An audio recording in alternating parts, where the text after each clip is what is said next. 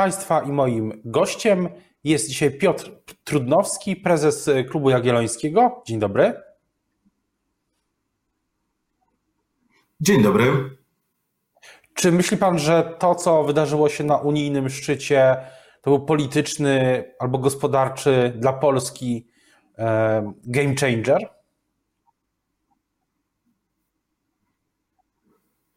Ja myślę, że game changerem byłoby, gdyby faktycznie doszło do tego rodzaju przesilenia, przed którym, no, którym straszono, które przepowiadano w ostatnich tygodniach. Gdyby rzeczywiście było tak, że mm, dojdzie do tego polskiego czy polsko-węgierskiego weta, gdyby doszło faktycznie do e, sytuacji, w której mm, no, z powodu decyzji Polski E, te decyzje, mm, te decyzje budżetowe, decyzje związane z planem odbudowy zostałyby mm, zablokowane, e, bo wtedy faktycznie mielibyśmy do czynienia z, ze zdarzeniem, które mogłoby na trwałe w sposób e, taki wręcz błyskawiczny wpłynąć na dynamikę integracji europejskiej. Moglibyśmy mocno przybliżyć się do sytuacji, w której no, różne tempa integracji E, zwłaszcza w tym wymiarze e, finansowym, staną się faktem, bylibyśmy w sytuacji, w której być może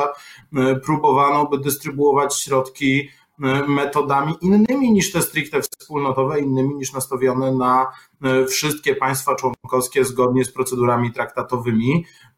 Do tego ostatecznie nie doszło. Na pewno mamy i tak sytuację precedensową, sytuację, w której jednak ten mechanizm E, praworządności no, pojawia się w systemie, e, w systemie unijnym, on wcześniej czy później pewnie zostanie wykorzystany. Czy wobec Polski i Węgier, czy wobec jakichś innych państw, to zobaczymy. Na pewno będzie to trudniejsze niż przed e, E, przed pojawieniem się tych e, doprecyzowujących zasad wynegocjowanych przez premiera Mateusza Morawieckiego, ale na pewno mamy świadomość, mamy, musimy mieć świadomość, mamy pewność co do tego, że no, ta atmosfera integracyjna, atmosfera pomiędzy państwami Unii Europejskiej jest bardzo mm, napięta i ona pewnie będzie w najbliższych latach no, przejawiała się nie tylko, to nie była jednorazowa, mm, to nie był jednorazowy spór, to będzie tak, że e, te różnice interesów pomiędzy państwami północy i południa, zachodu i wschodu Europy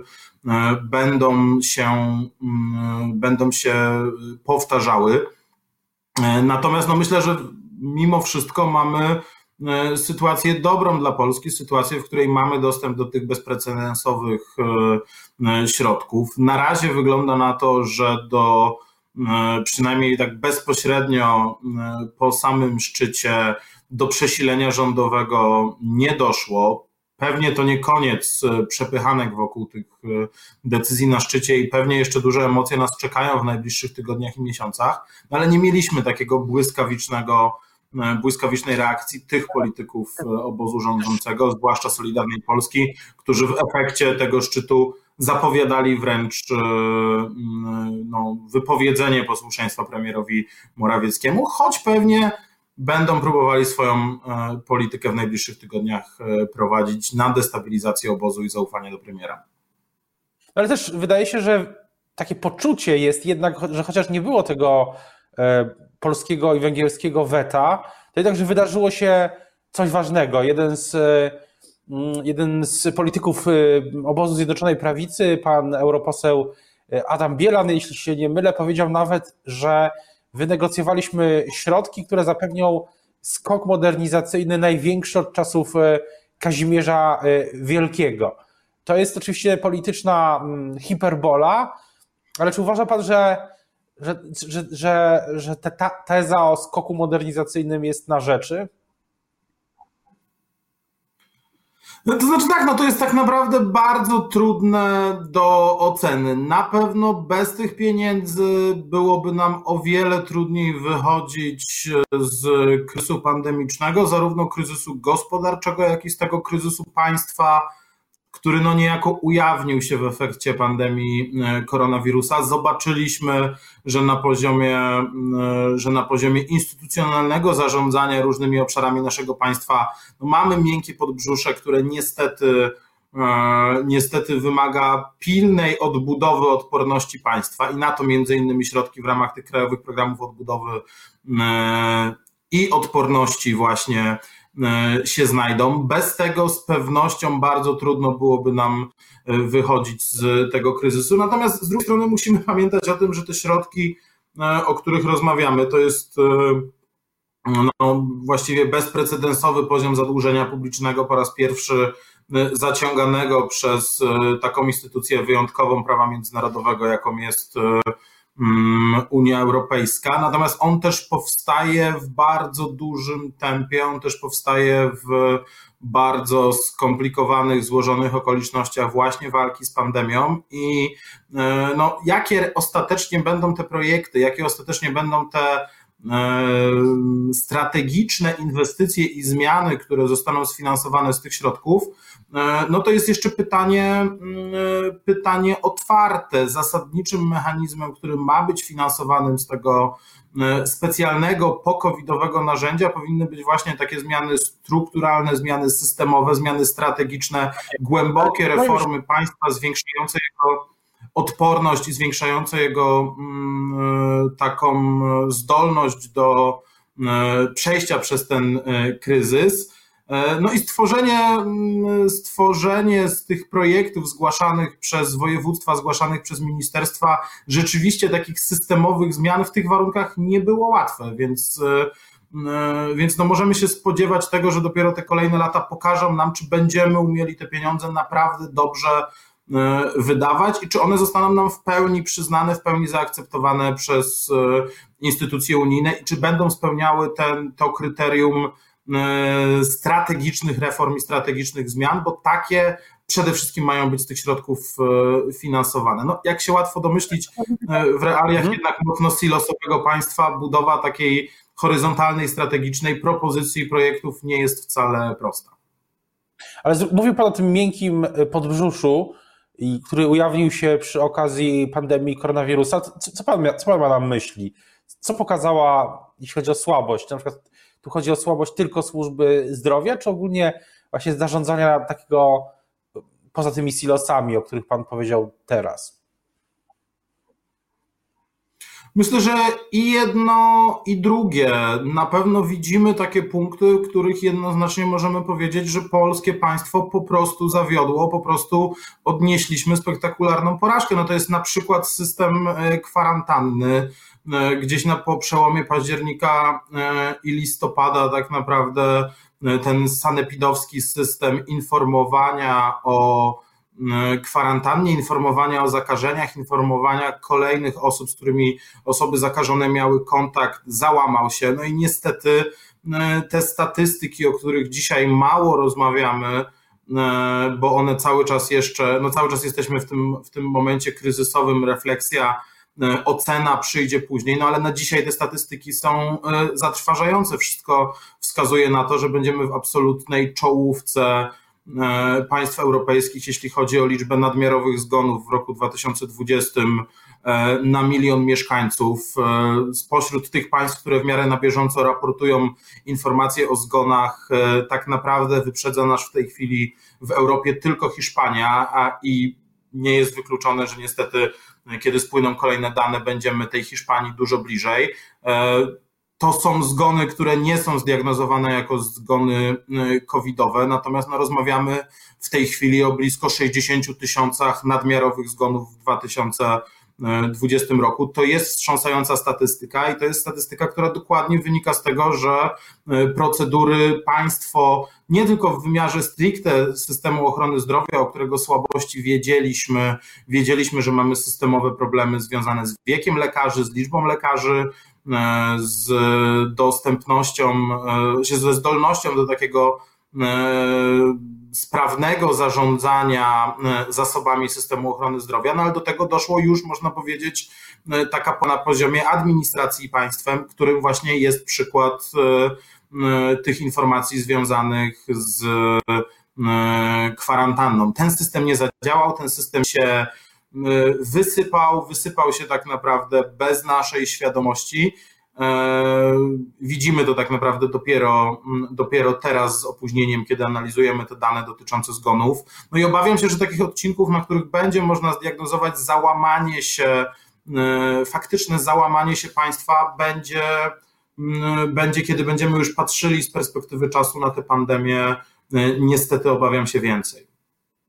A czy myśli pan, że obóz Zjednoczonej Prawicy, w którym premier Morawiecki y, wydaje się, że politycznie się y, w tej chwili przynajmniej umocnił, czy cały czas jego pozycja pozostaje silna, czy, czy obóz Zjednoczonej Prawicy, który jednak mimo tego jest obozem dosyć mocno podzielonym, czy jest w ogóle w stanie y, przygotować właśnie propozycję, która by odpowiadała tym parametrom, o których pan mm, mówił?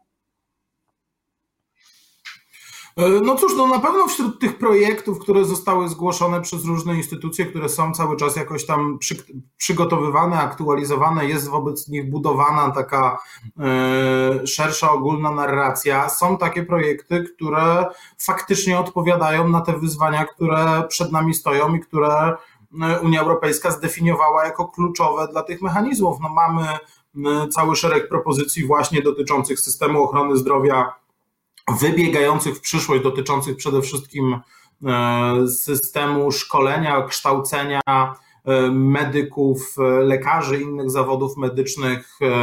Tutaj jest bardzo dużo wyzwanie związane z tym, byśmy wreszcie zatrzymali ten drenaż no, mózgów i drenaż rąk do pracy w systemie ochrony zdrowia, bo te statystyki dotyczące wieku, pracowników e, systemu ochrony zdrowia są naprawdę zatrważające.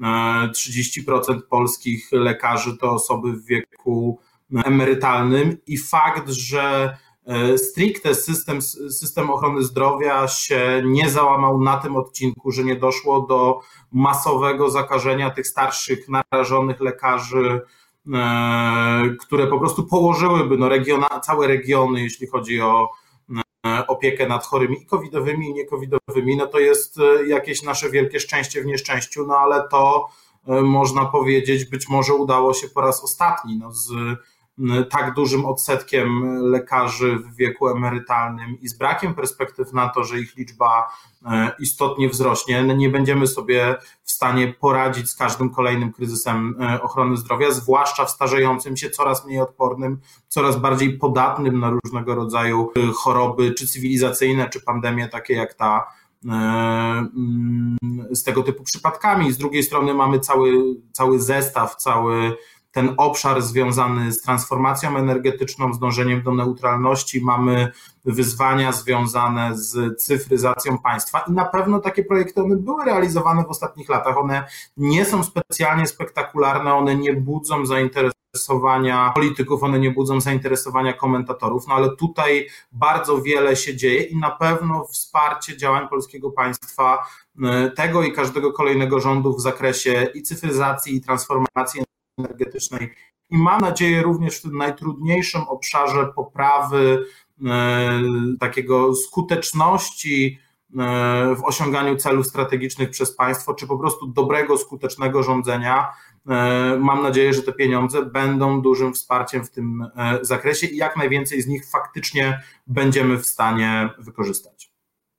A czy myśli Pan, że politycznie w tym roku, mimo tego wszystkiego, co się wydarzyło, o czym też pisał Pan i pisali Pana koledzy, koleżanki z Klubu Jagiellońskiego. Czy, czy ten plan, pomysł na modernizację prawicy poprzez na przykład no, przez premiera Morawieckiego yy, dalej w ogóle jakoś się ma?